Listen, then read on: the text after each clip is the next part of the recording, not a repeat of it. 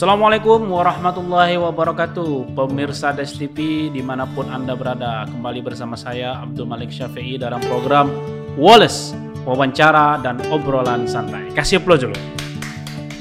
Nah kali ini sahabat Wallace Saya kedatangan tamu yang sangat mulia. Nah, Beliau ini sudah sangat terkenal sebenarnya Tapi hari ini berkunjung di kita Alhamdulillah kita kedapatkan berkahnya dari beliau. Beliau ini Ustadz Muhammad Zunaidi, Ketua Umum Quranic Healing International atau yang kita kenal dengan organisasi Rukyah. Benar Ustadz ya? Betul. Benar. Apa kabar Ustadz? Alhamdulillah kabar sangat baik. Sangat baik. Ustadz, uh, kalau kami kan sudah sangat familiar nih dengan Ustadz. Kami sering juga nonton Ustadz kalau ada di televisi nasional itu ya muncul di televisi itu sedang merupiah gitu kan Ustaz ya. Nah, ini agenda apa nih Ustaz? Datang ke Palembang, ada angin apa nih? Baik, jadi kami di Palembang bersama dengan kawan-kawan Dewan Pimpinan Wilayah Quranic Healing Internasional Sumatera Selatan, mm -hmm. kami mengadakan roadshow. Roadshow. Nah, roadshow ya. dakwah oh. melalui rukyah syariah, pengobatan dengan Al-Quran. Jadi ah. selama tiga hari dari hari ini sampai hari ah. Ahad, itu insya Allah kita ada beberapa event, ada beberapa ya. agenda yang kita adakan di sekitar Palembang. Hmm. Apa agendanya itu apa? Agendanya eh, kajian dan pengobatan masal. Oh, berarti orang yang dirukyah ini orang yang sakit, San? Gimana, San? Kalau pengobatan gimana, San? Hmm. Baik, jadi sakit itu kita mesti pahami bahwa sakit itu tidak selalu bersifat fisik. Ah, ya. ya orang ya, ada ya. sakit fisiknya, ada sakit pikirannya, ada juga orang sakit rohaninya.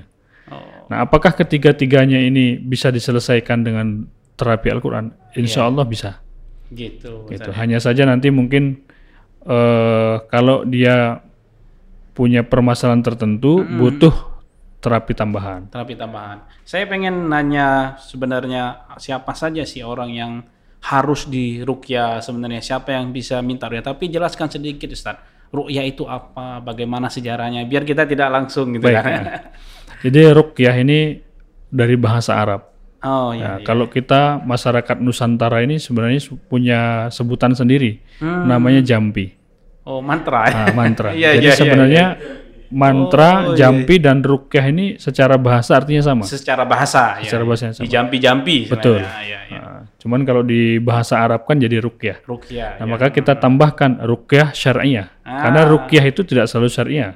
Jampi oh, tidak selalu syariah. Iya, ada iya, iya. jampi-jampi yang mengandung unsur syirik. Ada ah. jampi-jampi untuk mengundang jin. Benar, ada jampi-jampi untuk mengundang apa namanya bahasa mereka arwah-arwah leluhur. Ilmu hitam lah kata gitu. saya. Ya, itu ya, kan ya. jampi juga rukyah juga. Maka benar, rukyah benar, ini benar, benar. ada rukyah syariah, ya. ada rukyah syirkiyah. Oh nah, rukyah iya. syirkiyah ini rukyah yang di dalamnya mengandung unsur-unsur syirik. Uh-huh. Kalau rukyah syariah adalah rukyah yang sesuai dengan syariat. Syariat Islam. Nah, syariat Islam iya. seperti itu bagaimana rukyah yang sesuai syariat Islam itu sendiri San? Ya, jadi rukyah yang sesuai dengan syariat Islam itu yang pertama meminta hanya kepada Allah Subhanahu wa taala. Ah, ya. Yang kedua yang dibaca adalah ayat-ayat Allah, -mm. asma-asma Allah dan tidak bercampur dengan kalimat-kalimat kebatilan. Hmm. Nah, itu kalau rukyah syariah. Murni Al-Qur'an dan doa gitu saja. Betul. Uh, doa pun mengandung unsur kebaikan, minta kepada Allah gitu ya. ya Kalau di luar kebaikan. itu ada juga nih menyebut hmm. diawali dengan nama-nama misalnya nama-nama yang kuasa tapi ditambahin jampi-jampi gitu itu nah, nggak bisa juga kategori kan? Itu namanya rukyah syirkiyah. Rukyah syirkiyah itu hmm. adalah rukyah yang pelakunya di satu sisi meminta kepada Allah, hmm. di sisi yang lain dia minta tolong kepada jin. Di oh. satu sisi dia membaca ayat-ayat Allah, tapi di sisi lain dia campurkan dengan mantra-mantra lain. Hmm. Sebagai salah satu contoh misalnya ada mantan dukun yang pernah taubat yang kami rukyah dia mengaku kalau oh. dia obati pasiennya dia baca surat An-Nas. Qul oh. a'udzu birabbin nas, malikin nas, ilahin nas, min syarril waswasil khannas, allazi yuwaswisu fi sudurin nas. Ketika dia baca minal jinnati wan nas, dia ubah menjadi minal jinnati waras. Oh. Nah, jadi iya, iya, iya, gara-gara iya, iya, iya. pengubahan ini tadi waras. Nah, waras. Jadi Ketika baca kul a'udzu birabbinas dan seterusnya itu dia zaharkan. Iya. Ketika minal jinnati waras itu dia sirkan. Artinya Sirkan. dia iya, baca dia dengan pelan gitu ya. pelan, nggak kedengaran. Nah, ini namanya talbisul haqqo bil batil, Oh. mencampurkan yang hak dengan yang batil. Itu tidak boleh berarti. Boleh. Ini bukan rukyah yang kita dakwakan. Betul. Iya. Ustaz, siapa saja Ustaz orang yang harus kita rukyah atau orang yang merasa saya perlu dirukyah nih? Apakah dia itu sulit dapat jodoh seperti teman-teman ini nih?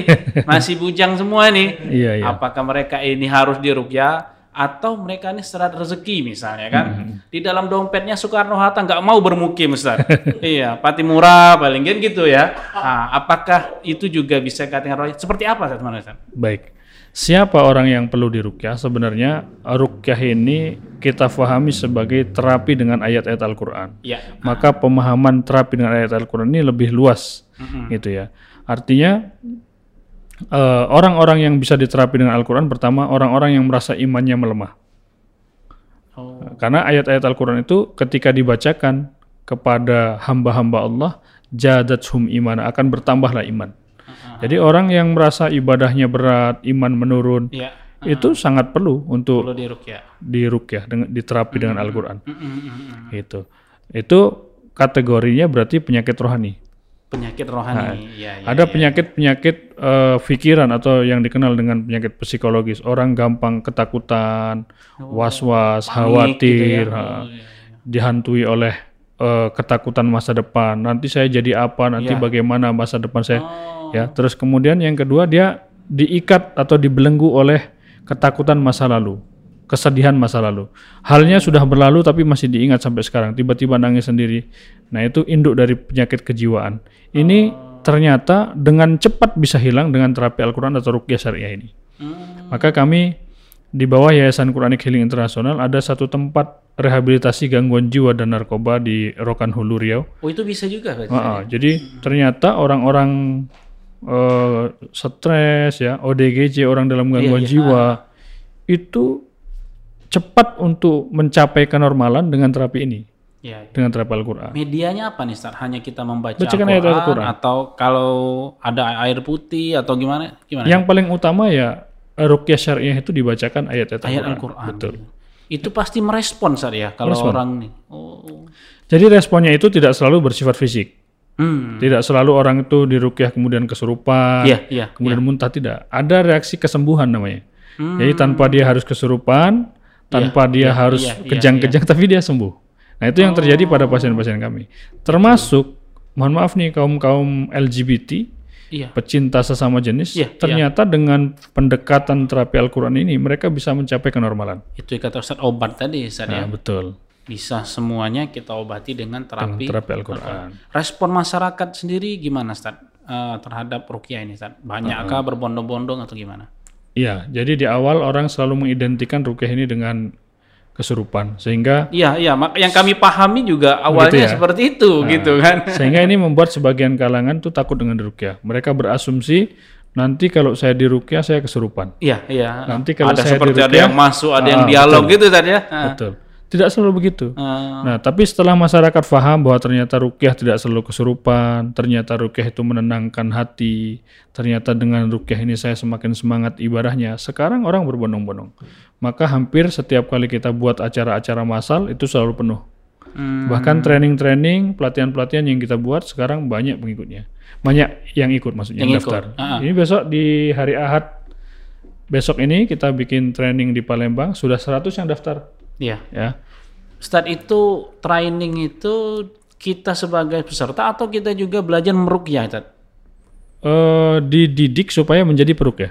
Oh, dididik sebagai arti. Nah, itu kalau kita mau merukyah itu ada kategori tertentu atau gimana? Apa semua orang bisa atau ada tahapan-tahapan? Yang jelas ada keilmuan yang harus dikuasai. Itulah Apa- apa dia itu, harus harus apa namanya?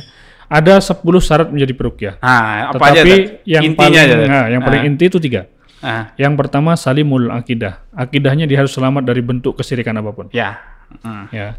Yang kedua sohihul ibadah. Ibadahnya harus sohih, harus benar. Hmm. Nah, jadi maksudnya benar itu ya dari segala sisi benar. Ya. Ibadahnya nggak tercampur dengan kesalahan. Hmm. Nah, yang ketiga matin huluk. Dia harus memiliki eh, akhlak yang mendalam. Karena belum tentu orang yang eh, akidahnya sudah benar, ibadahnya sudah benar, kemudian akhlaknya baik. Kan ada juga orang yang eh, akidahnya nggak tercampur syirik, ibadahnya sudah benar tapi akhlaknya rusak. Maka iya, iya. tiga, Tiga syarat komponen ini itu mesti ada. mesti ada. Taruhlah yang lain Yang ya, lain, nah, baca Qur'annya harus Baca Qur'annya, gitu kan ya. betul. Iya, iya, iya. tapi secara garis besar Mm-mm. tiga syarat itu harus ada pada diri seorang perukyah. Mm-mm. Saat ada nggak yang menentang program ru'yah kita ini Ustaz, sebenarnya? Ya tentu saja ada karena eh, kami selalu menggelorakan ketika Anda menjadi seorang perukyah berarti pada saat itu Anda memproklamirkan diri menjadi musuhnya para dukun-dukun yang berkonspirasi dengan iblis, dengan setan. Maka para dukun-dukun yang berkonspirasi dengan iblis, yang berkonspirasi dengan syaitonul jin, mereka tentu gerah dengan pernyataan itu dan sudah pasti menganggap kita sebagai musuh. Mm-mm. Dan kita nggak perlu khawatir karena para nabi yang menyuarakan kebenaran, ngajak orang kembali kepada al-haq juga kan dimusuhi oleh setan. Iya. Wa kadzalika ja'alna likulli nabiyyin aduwwu syayatinil insi wal jin. Kata Allah gitu kan. Demikianlah kami jadikan setiap nabi itu memiliki musuh setan-setan dari golongan manusia dan setan-setan dari golongan jin. Mm. Seperti itu. Apakah yang mengganggu itu selalu jin, Ustaz? Nah, banyak di antara kita nggak bisa membedakan apa itu siapa itu jin, Ya. siapa itu setan, dan siapa itu iblis. Ah, iya. Itu. Penting juga, ya. Karena Hmm, pengetahuan kita tentang ruqyah juga Betul. ini kan. Mhm. Jadi iblis itu adalah bapak moyangnya jin, Hmm, dedengkotnya, ya. dengkotnya Oh, yang iya, dulu iya, pernah tinggal di surga. Ya, yang menggoda Nabi Adam ya. Adam ah, iya, iya, iya. Nah, itu iblis. Hmm. Nah, jin adalah anak keturunan dia, Oh. anak keturunan dia itu bangsa jin. Dan bangsa jin ini makhluk seperti manusia, Mak- maknanya seperti manusia. Mereka berakal, cerdas, berteknologi, mereka menikah, mereka punya anak keturunan, Hmm. mereka makan, minum, mereka mati. Ya. ya. Hmm. Mereka juga yang yang ada yang muslim, ada yang kafir. Yang muslim rukun Islam, rukun imannya sama. Mereka harus eh, syahadat, harus sholat, harus zakat, harus saum, harus haji dan hajinya pun di Mekah bukan di Borobudur. Iya. Gitu. sama, jadi berlaku Iya, iya, sama. Sama ya. Gitu. Ah, Nah itu jin. Jin itu makhluk, makhluk ya. makhluk yang Allah ciptakan dari nyala api. Mm-mm. Nah sementara syaitan itu lebih kepada sifat yang melekat kepada jin atau melekat kepada manusia. Oh. Maka setan ini bisa dari golongan jin, bisa juga dari golongan manusia. ya. Alladzi yuwaswisu fi sudurin nas minal jinnati wan nas. Berarti manusia pun bisa juga Setan ber bisa jadi setan. bisa jadi setan. Sifat-sifat setan ada pada Iya, dirinya. Nah, Ustaz, bagaimana tanggapan milenial Ustaz Seraga terhadap Hmm. ru'yah ini sendiri Ustaz? Kalau kita saksikan, Mm-mm. ini mulai mulai bagus penerimaannya. Ya, penerimaannya artinya mulai sempat bagus. baru ke sini ke sini ya Betul, betul. menerima. Kenapa Ustaz respon milenial ini mulai bagus? Karena- Apakah kita yang kencang dakwanya atau memang sudah kebutuhannya? Iya, antara itu. Artinya ketika dakwah terus istiqomah disampaikan dan ternyata itu adalah sesuatu yang mereka butuhkan. Mm-mm. Salah satu contoh ya penyakit masyarakat dan penyakit mental yang banyak melanda manusia itu penyakit LGBT contohnya. Ya, aha. Ya, kalau kita lihat di media sosial ternyata di setiap kota itu ada komunitasnya dan komunitasnya ternyata nggak sedikit banyak sekali. ya, ya. Kita media paham lah Betul. soal itu ya. Nah, dan ternyata eh, kalau kita dengarkan bisikan jiwa mereka yang berani mereka ungkapkan Ya. lewat lisan-lisan mereka, mereka itu ingin keluar dari zona itu Hmm, dan mereka banyak yang tersiksa dan bukan Ah. fitrahnya gitu ya. Ber- banyak yang tersiksa berada dalam posisi itu. Iya. Nah, ketika saya pernah eh, tayang untuk penanganan kasus itu, ternyata saya dibanjiri, dibanjiri eh, klien-klien yang punya problem seperti itu. Oh. Dan mereka mengadu, oh ternyata saya memang tersiksa, walaupun saya sholat, walaupun saya zikir, walaupun saya baca Quran, tapi saya merasa ada satu pengkhianatan terhadap fitrah saya. Nah, itu kan berarti kebutuhan mereka, Ya, ya. gitu. Alhamdulillah, sekarang sudah banyak saudara-saudara kita yang merasa bahwa ini memang eh, kebutuhan mereka, Ya. sesuatu yang mereka butuhkan, sesuatu yang mereka perlukan. Ya. Gitu. Nah, makanya kita perbanyak mencetak para praktisi rukyah Hmm. supaya lebih banyak juga kaum muslimin yang Sudah banyak, sudah banyak di Palembang nih, Ustaz. Alhamdulillah sudah sudah banyak di Banyu Asin sudah ada DPD-nya, kemudian di Lahat ya. Artinya kalau ada nih pemirsa Wallace yang mau rukyah bisa, Bisa, menghubungi insya Allah. ke mana itu Ustaz kalau di Palembang Ustaz? Di Palembang kita ada ini nanti bisa di tag lah di Ya, sekretariat sekretariat kita ya. Ya, nanti Sobat Wallace bisa ditulis oleh tim di bawah sini di mana alamat supaya kita bisa kalau memang ada pemirsa yang mau rukyah. Betul. Tidak usah jauh-jauh ke Jakarta saja atau lagi ke Lampung. Boleh. di Palembang ada. Ustaz, terakhir ini Ustaz. Terakhir mungkin Ustaz ada pesan tentang rukyah ini dan mungkin target dakwah kita sendiri ke depannya seperti apa Ustaz? Baik. Jadi eh, khususnya buat kaum muslimin yang dirahmati Allah, kita ini sebenarnya menjadi seorang muslim sangat gampang. Kenapa gampang? Karena kita diberi panduan di dalam menjalani kehidupan ini. Ya. Untuk apa Allah turunkan nabi? Untuk apa Allah turunkan Al-Qur'an? Allah turunkan Al-Qur'an, Allah turunkan nabi untuk memandu kehidupan kita. Iya. Supaya hidup kita mengikuti panduan tersebut. Mm-mm. Nah, kalau kita sudah dikasih panduan, terus kemudian kita mengikuti panduan-panduan lain, maka wajar kalau kita tersesat. Iya. Hari ini coba kita saksikan. Manusia seolah-olah kalah dengan binatang dalam mempertahankan kesehatan mereka. Mhm. Ya, kita saksikan ada nggak binatang kena penyakit stroke? Nggak ada. Manusia banyak. iya, iya. Ada nggak penyakit LGBT menimpa binatang? Nggak Iya, ada. iya, Manusia iya, iya, ada. Ada nggak binatang kena penyakit macam-macam? Nggak ada. Iya. Manusia banyak. Mhm. Kenapa kok bisa binatang yang oleh Allah nggak dikasih akal aja mampu survive?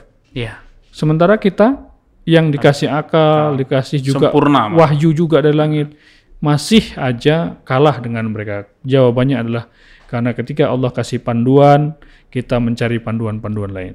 Nah, pengobatan dengan Al-Qur'an ini mengajak manusia kembali mengimani, meyakini ya, kita kita harus berani mengatakan yang datang dari Allah itu benar, sementara otak saya bisa jadi salah. Iya. Jadi ketika saya punya guru, ya guru saya itu eh, menyukai apa namanya mendapatkan informasi tentang manfaat kasturi dalam Iya. literatur hadis ya Iya, keterangan-keterangan iya. kasturi. Dia cari dari kasturi yang harga 100.000 ribu sampai sekian juta. Ketika dia cium, dia bilang sebenarnya saya nggak suka dengan aromanya.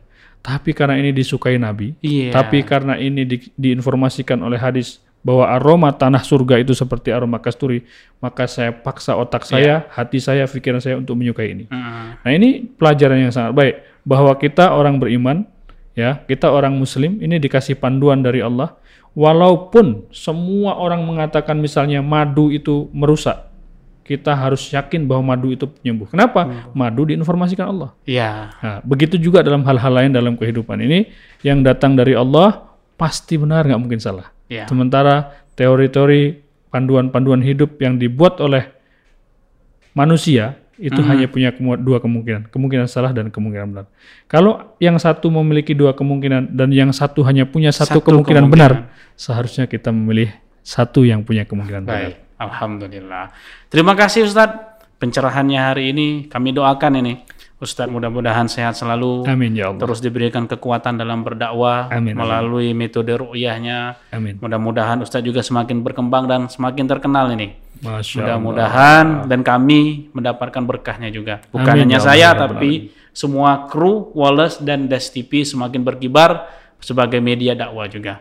Amin. Amin, Rabbal ya. Allah, ya Terima kasih sahabat Wallace. Itulah perbincangan kami. Mudah-mudahan bermanfaat. Kita akan bertemu kembali dalam program dan wawancara berikutnya. Assalamualaikum warahmatullahi wabarakatuh. Waalaikumsalam warahmatullahi wabarakatuh.